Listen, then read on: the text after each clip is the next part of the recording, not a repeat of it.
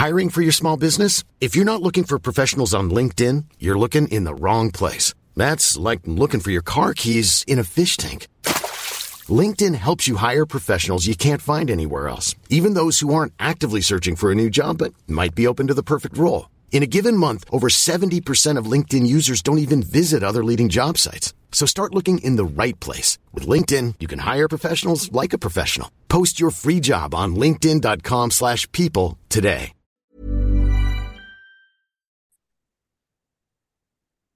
Halo pendengar GGMI Podcast, baik lagi bersama kita berdua dan masih dalam menunggu kepastian yang tidak akan pernah usai dari take over MU dari kepemilikan satu ke kepemilikan berikutnya kita mau menyela dengan adanya rumor transfer yang tidak pernah diduga-duga dan nama ini tidak pernah kita bahas sebelumnya. Seorang kiper yang bernama Justin Bailo dari Feyenoord yang katanya dijadikan opsi oleh Erik Ten Hag karena sepertinya MU masih belum mendapatkan restu dari FFP mengenai uh, apa namanya uang yang harus digelontorkan untuk pemain terutama dengan kiper. Nah, lu ngelihat uh, transfer uh, Bilio ini gimana Kevin dari Onana yang seolah santer ya? Uh, hmm. Onstein, terus juga Fabrizio dan bahkan agennya Onana katanya udah ketemu juga kan sama perwakilan Inter di Ibiza kan yeah. untuk membahas ini dan tiba-tiba muncullah Justin Bilo sebagai nama yang baru. Kira-kira gimana, Vin? Iya, ini nama Justin Bailo ini sebetulnya kalau kalian pada ngikutin akunnya United apa United Scout atau apa gitu ya di Twitter itu bagus banget itu sebenarnya dia juga udah merekomendasikan Justin Bailo ini untuk menjadi uh, salah satu pilihan kiper di MU ya gitu. Karena memang setelah gue juga lihat di YouTube ya klip-klipnya dia ternyata dia itu untuk masalah ball playing dia juga sama bagusnya. Kayak Onana kayak Costa Raya kayak kiper-kiper pada umumnya. Maksudnya adalah kiper ball playing pada umumnya. Cuma memang kalau misalnya dibandingkan sama Onana, Onana itu jauh lebih berani aja gitu loh, lebih ekstrem kasarnya gitu ya gitu. Cuma kalau dari sisi uh, ball playing yang lainnya, kemudian dari sisi mungkin uh, shot shot stoppingnya juga itu menurut gue cukup oke okay lah gitu. Kayak 11-12 sama Diogo Costa pada saat ini gitu. Cuma memang kalau Bailo ini kita nggak tahu apakah dia bisa meningkat lagi atau enggak karena dia udah 25 tahun kan. Masih sih 25 tahun pertengahan ya. Dan Diogo Costa kan masih muda banget ya 22 23 gitu. Jadi um, Bailo ini juga sebetulnya mungkin kita agak bingung ya kayak kenapa Belanda-Belanda lagi nih yang dikaitkan gitu kayak emang nggak ada nama lain gitu. Kasarnya mungkin kayak lu punya ada David Raya loh itu di Liga Inggris yang bener-bener available dan mau dijual dan gak jadi pindah ke Spurs kan tapi lu jauh-jauh malah ya ke Belanda-Belanda lagi Bailo gitu sih. Mungkin uh, itu sih pro kontranya lebih ke apa namanya kayak ini malah isinya nanti kalau nggak Belanda Ajax atau ya kenalannya Ten Hag gitu doang sih. Iya, dan ini juga banyak ya pas gue dengar berita ini muncul eh, dari mirror.co.uk uh, di thread Twitter itu tuh baik akhirnya berkomentar kayak nah itu sama kayak lu yang tadi sampaikan tuh mengenai Holland Connection dan juga Eredivisie Connection gitu kan. Hanya bedanya nggak cuma Ajax doang gitu kan. Kita pindah ke Feyenoord, kita pindah ke tim-tim lainnya gitu. Tapi kalau sedikit bahas tentang Justin Bailo ya. Uh, di musim lalu kan dia mengantarkan Feyenoord ya untuk jadi juara ya, kampione di Eredivisie gitu kan. Dan secara statistik juga dia kejebolan hanya 19 gol dari 25 games dan mencatat 12 clean sheet. Di mana Bailo sendiri bisa dibilang masuk ke first team di Feyenoord tuh udah cukup lama di tahun 2017 berarti udah hampir enam tahun lalu. Jadi kalau kita anggap ya mungkin dia homegrown players ya. Dan hmm. dia kan juga nationality juga Belanda kan. Yang mana ini juga menjadi salah satu uh, poin karena kita melihat kipernya Belanda saat ini kan mungkin nama-nama kayak kipernya Barca tuh uh, siapa namanya uh, uh, siapa lupa gue Kilesen Kilesen gitu kan dan bahkan udah bahkan orangnya juga nggak main gitu dan gue baru tahu nih uh, eh, gue nggak tahu apakah di, dipanggil nggak ya di Piala Dunia gitu kan tapi kalau nggak dipanggil nggak dipanggil ya dia nggak dipanggil tapi sekarang dia jadi kiper utama di bawahnya Ronald Koeman Oh iya, bener. Dia itu udah dapet em, berapa kali ini ya, apa namanya, semacam kayak debut kan. eh, di timnas Belanda juga dan untuk usia 25 tahun dengan harga yang gue baca nih di kurang lebih 20 juta. Nah, ini kan jauh banget sama harga Onana nih. Bisa dibilang eh, margin plus minus 30 juta nih. Nah, lu ngelihat ini untuk melihat konteksnya apakah sudah sesuai nggak kira Vin dengan kualitas dan juga harga Vin?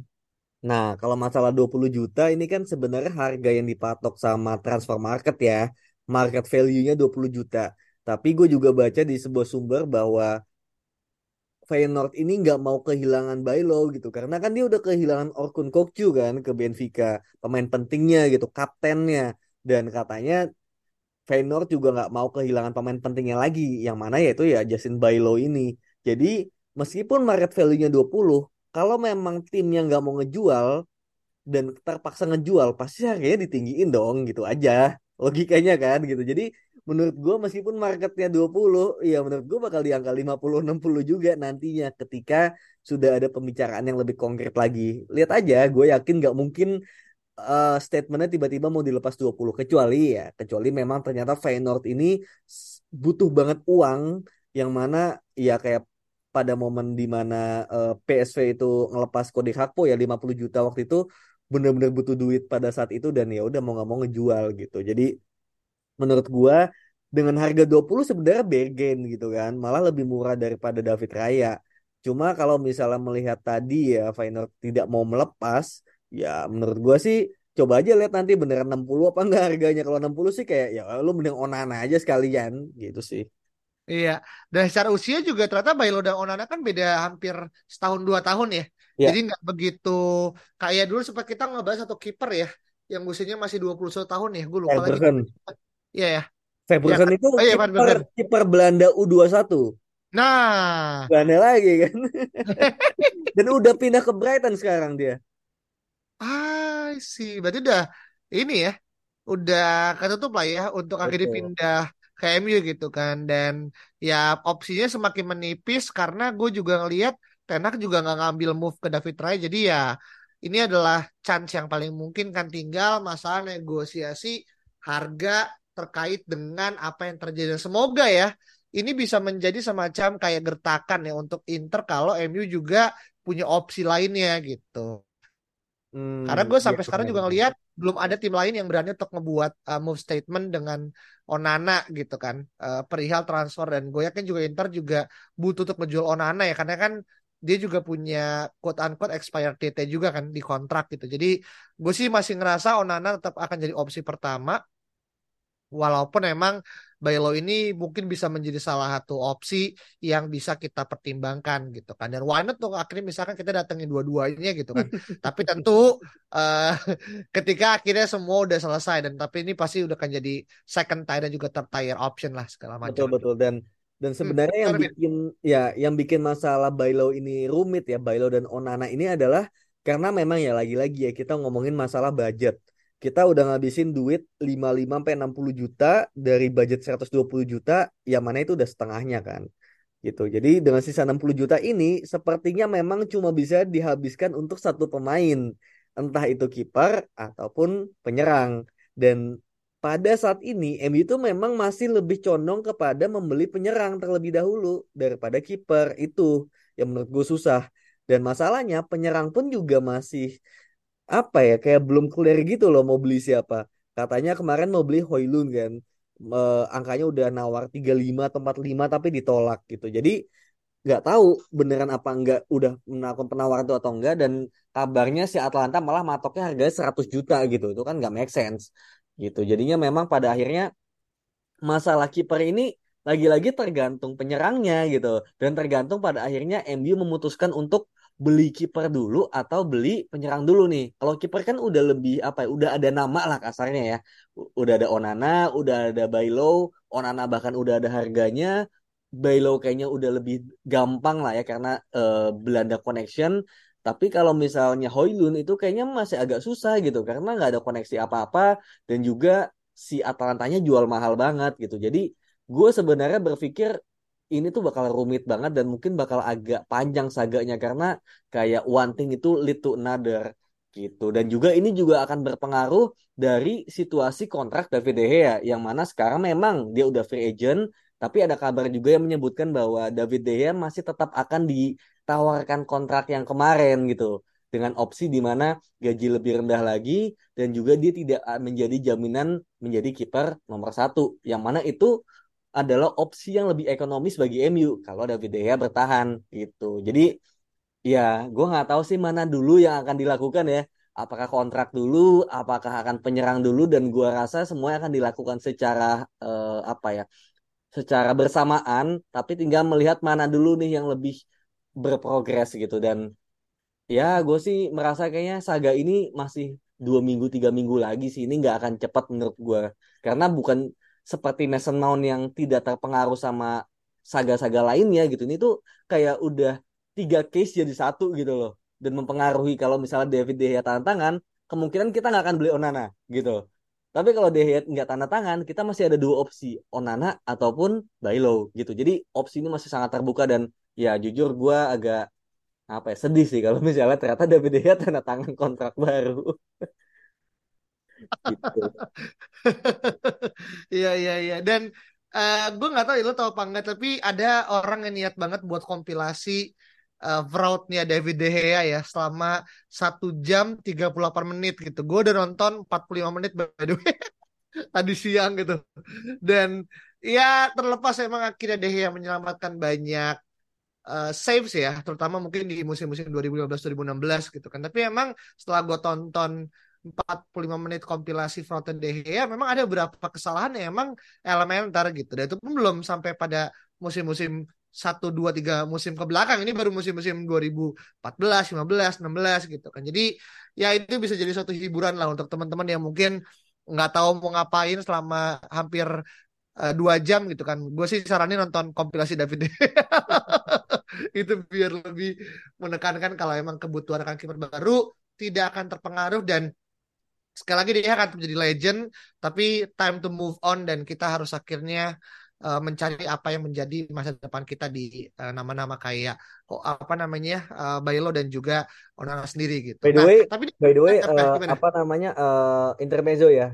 Ini Liverpool baru aja ngumumin Zobozlai. Oh, banget ya prosesnya kita Onana udah dari berminggu-minggu yang lalu gak jadi-jadi. hmm, Zobozlai itu yang start sama kayak Sancho kan? Iya iya iya iya iya.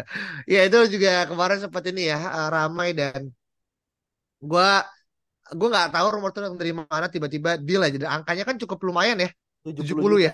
70 iya kan? clause. Mm -hmm. 70 rilis clause itu buat gue tuh pasti akan jadi troll lagi kalau misalkan akhirnya nggak sesuai dengan apa yang menjadi ekspektasi gitu. Jadi kita lihat aja bagaimana. Tapi ini jadi menarik harapan dengan rival yang semakin bergerak cepat terutama Arsenal yang tiba-tiba menjadi apa ya leading the race ya secara catching up the player semoga ini juga menjadi bahan bakar untuk MU. pemain kan?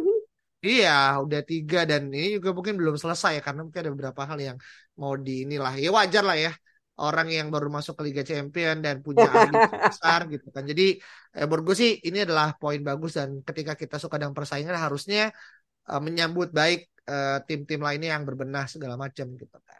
Oke, okay, uh, balik lagi ke uh, Bailo gini. Gue baca juga ya ternyata katanya itu di awal-awal bursa transfer dimulai uh, Arne Slot itu tuh bosnya Feyenoord lah mungkin kayak Daniel Levy-nya Tottenham. Eh, Arne Slot itu pelatihnya cuy. Oh, sorry pelatihnya kok ya. sorry iya. bos. Ini gue kira bos tuh adalah sorry pelat apa apa namanya uh, coachnya. Iya, itu iya. katanya uh, turning down uh, apa namanya chance untuk uh, apa namanya uh, mindahin um, uh, si kiper ini ke Tottenham karena kan Loris juga kuat aku masih dispute ya. Karena emang ternyata dia cuma punya dua goalkeeper nih.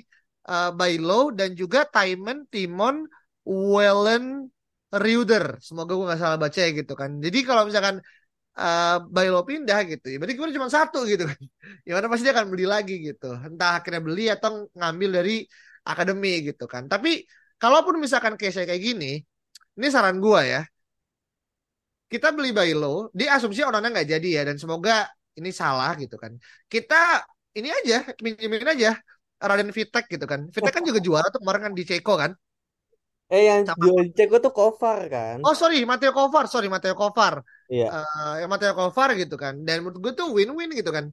Jadi ya semoga tuh jadi satu opsi tapi kayaknya sih eh, sulit ya. Kita bukan main di Football Manager ataupun di di FIFA yang bisa kita atur-atur gitu kan.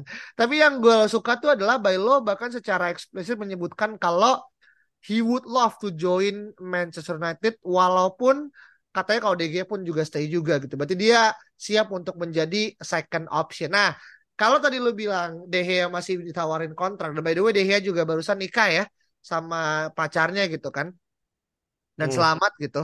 Eh apa namanya? Lu ngerasa ini adalah opsi kedua yang terbaik atau justru ketika De Gea dan juga eh, siapa Bailo masuk, ini justru akan memperebutkan posisi pertama, Vin? Menurut gue pastinya ya ini agak aneh ya karena David De Gea dan Bailo ini adalah dua tipikal kiper yang berbeda gitu. Jadi memang memang sebenarnya sebetulnya ya udah nggak ada room sama sekali untuk David De Gea gitu karena gaya mainnya udah beda gitu loh. Bahkan untuk jadi nomor dua aja kayak ngapain? Karena udah beda.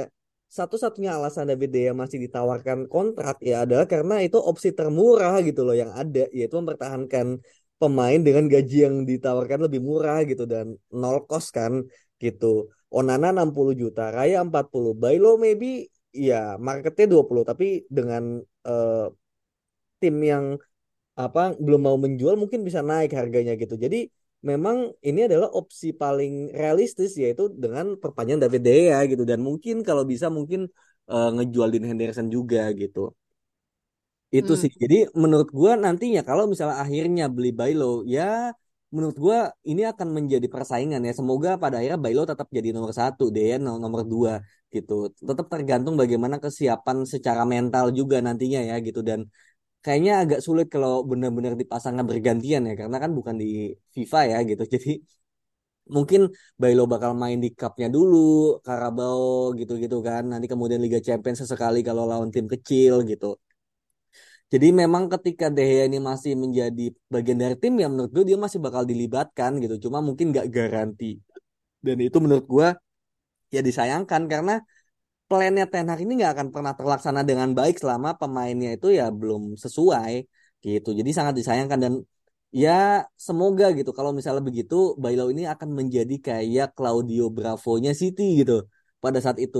Jadi kayak di, membeli kiper dulu aja yang nggak mahal-mahal banget, tapi sebenarnya lu tuh nantinya bakal beli kiper lebih bagus lagi tapi nanti gitu. Tapi at least tuh udah punya dulu kiper yang harganya lebih ekonomis tapi bisa jalan sesuai dengan filosofi lo gitu dan itu ada di Bailo gitu. Hmm, oke, ini berarti agak semacam kita menggunakan benchmark ya dari apa yang City lakukan gitu kan. Dan semoga kenapa akhirnya FFP ini membuat stuck dengan Onana, tapi gue cukup yakin ini nggak akan mengaburkan kita dari Onana sih. Gue cukup punya keyakinan walaupun tadi sembari akhirnya kita mau nunggu tag ini kan gue juga nonton ya kompilasinya Bailo biasa lah ya.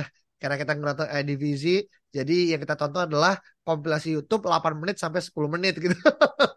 Untuk mendapat gambaran secara foto eh, gimana yang bersangkutan bermain. Dan so far, gue sama sih kayak lu sih.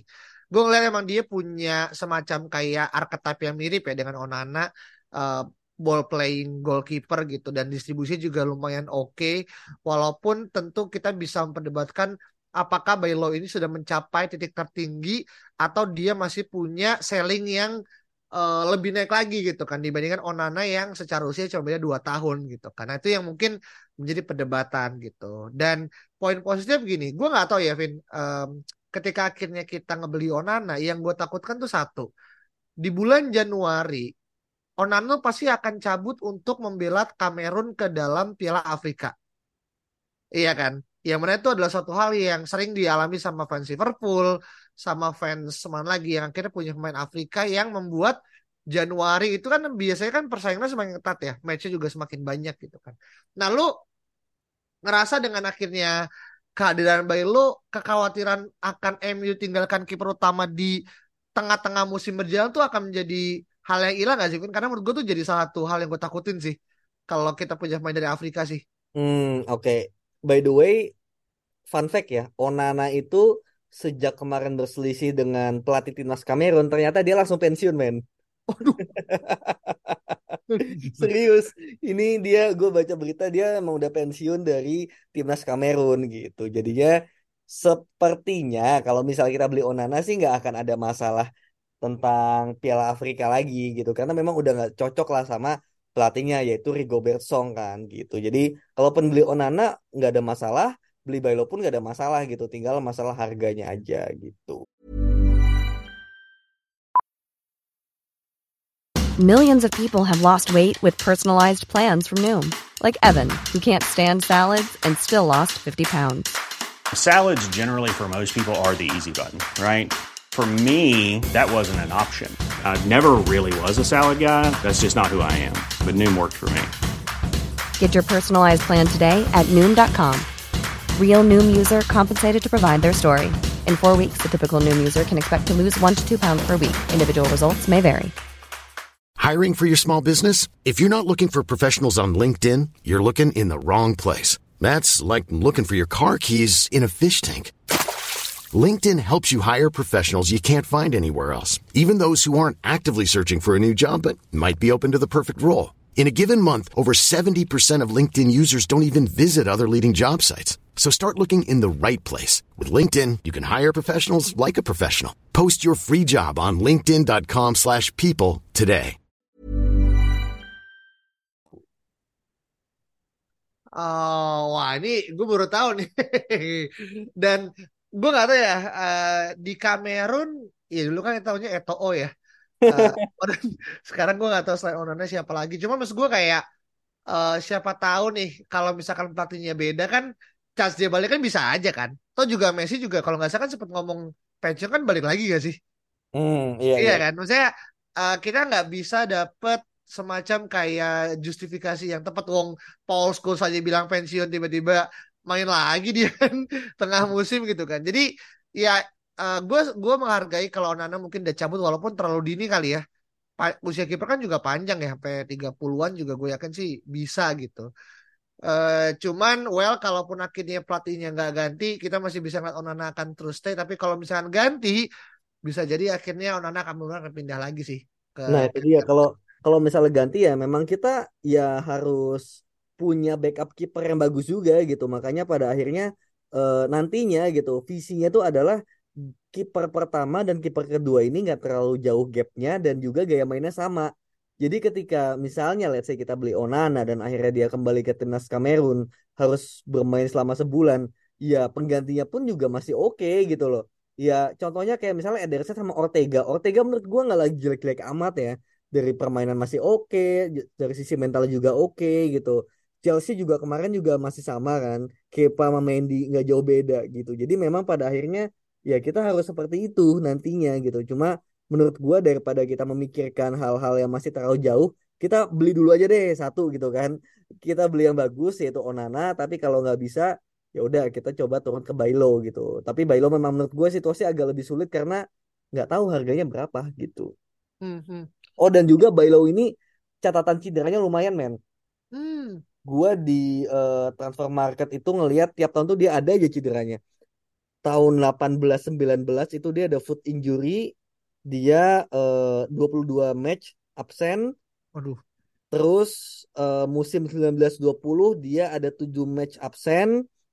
2021 dia ada um, ada hampir 20-an match absen, dia cedera lutut. Terus juga di musim 21-22 dia ada 19 match absen, ada foot surgery dan musim 22-23 dia absen 14 match, 68 hari dari Februari sampai April kemarin. Gitu. Jadi Gak tiap tahan ya. tahun ada cedera ada aja gitu. Iya iya iya iya. Ini hal-hal yang akhirnya perlu juga menjadi konsiderasi kali ya tentang bagaimana kiper yang cedera itu nggak hanya meng- mengganggu kestabilan tim, tapi juga akhirnya kan ngebuat dinamiknya kan juga berubah gitu kan. Apalagi kalau misalnya kita cuma punya Bailo doang tanpa ada tipikal kiper yang serupa, ya ya kita bisa melihat lah bagaimana akhirnya kita kembali ke setelan pabrik gitu. Tapi harapannya juga menjadi salah satu rujukan ya buat Ten karena uh, di squad sekarang kita udah melihat Evin di musim ini ketika ada yang cedera ataupun kartu merah tuh benar-benar merubah semuanya bahkan kita kehilangan poin-poin dan bahkan kita harus gugur uh, di fase knockout gitu kan hanya karena hal-hal yang kecil gitu. Jadi harapannya juga menjadi suatu catatan apalagi kalau kiper kakinya ya ya misalnya tangan kaki kan kalau kiper kan itu udah well untuk akhirnya menjadi balik lagi ke performa awalnya kan juga pasti kan butuh uh, jam terbang lagi kan. Jadi ini bisa menjadi pertimbangan dan mungkin kita langsung tutup aja kali terkait dengan gimana kita lo ngelihat transfer Bailo as in secara rating dan 0 sampai 10 seberapa visible kita bisa datangkan Bailo di bursa transfer musim ini, Vin. Jujur gue gak ragu ya, terutama dengan statement dari Feyenoord itu sendiri yang bilang bahwa mereka tidak ingin menjual. Dan kalaupun menjual gue yakin harganya bakal ditinggiin gitu. Jadi sejujurnya gue nggak yakin dengan transfer ini tapi kalau dengan interestnya gue yakin gitu. Karena memang ya kita membuka opsi dan benar kata lu mungkin ini juga part of di mana biar Onana nih harganya diturunin gitu. Jadi gue dengan itu tadi kemudian dengan juga masalah cedera bahwa MU sekarang juga lagi mengurangi ya pemain-pemain yang sering cedera uh, dengan Sabitzer juga nggak dipermanenin, Bayi juga mau dijual gitu. Jadi pemain-pemain yang uh, sering cedera itu lagi apa mau coba dibuang-buang lah, Anthony Martial juga gitu. Jadinya gue merasa bahwa ini transfer yang sulit terjadi. Gue lebih lebih gue lebih yakinnya kayaknya ya feeling gue ya kayak ya David ya stay sih. Tapi semoga salah ya, semoga salah ya gitu.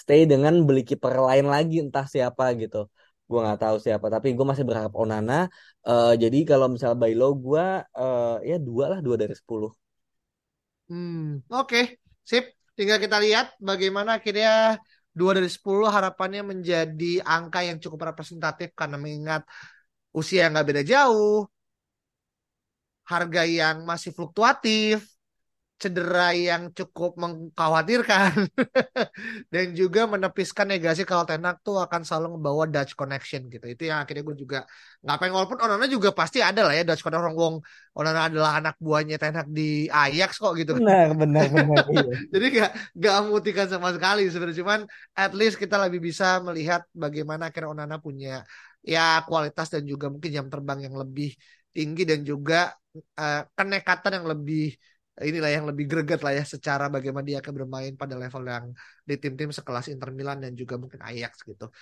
Itu aja, kita ketemu lagi di episode berikut ya. Bye bye. Hey, it's Danny Pellegrino from Everything Iconic. Ready to upgrade your style game without blowing your budget? Check out Quince. They've got all the good stuff, shirts and polos, activewear and fine leather goods all at 50 to 80% less than other high-end brands. And the best part? They're all about safe, ethical, and responsible manufacturing. Get that luxury vibe without the luxury price tag. Hit up quince.com slash upgrade for free shipping and 365 day returns on your next order. That's quince.com slash upgrade.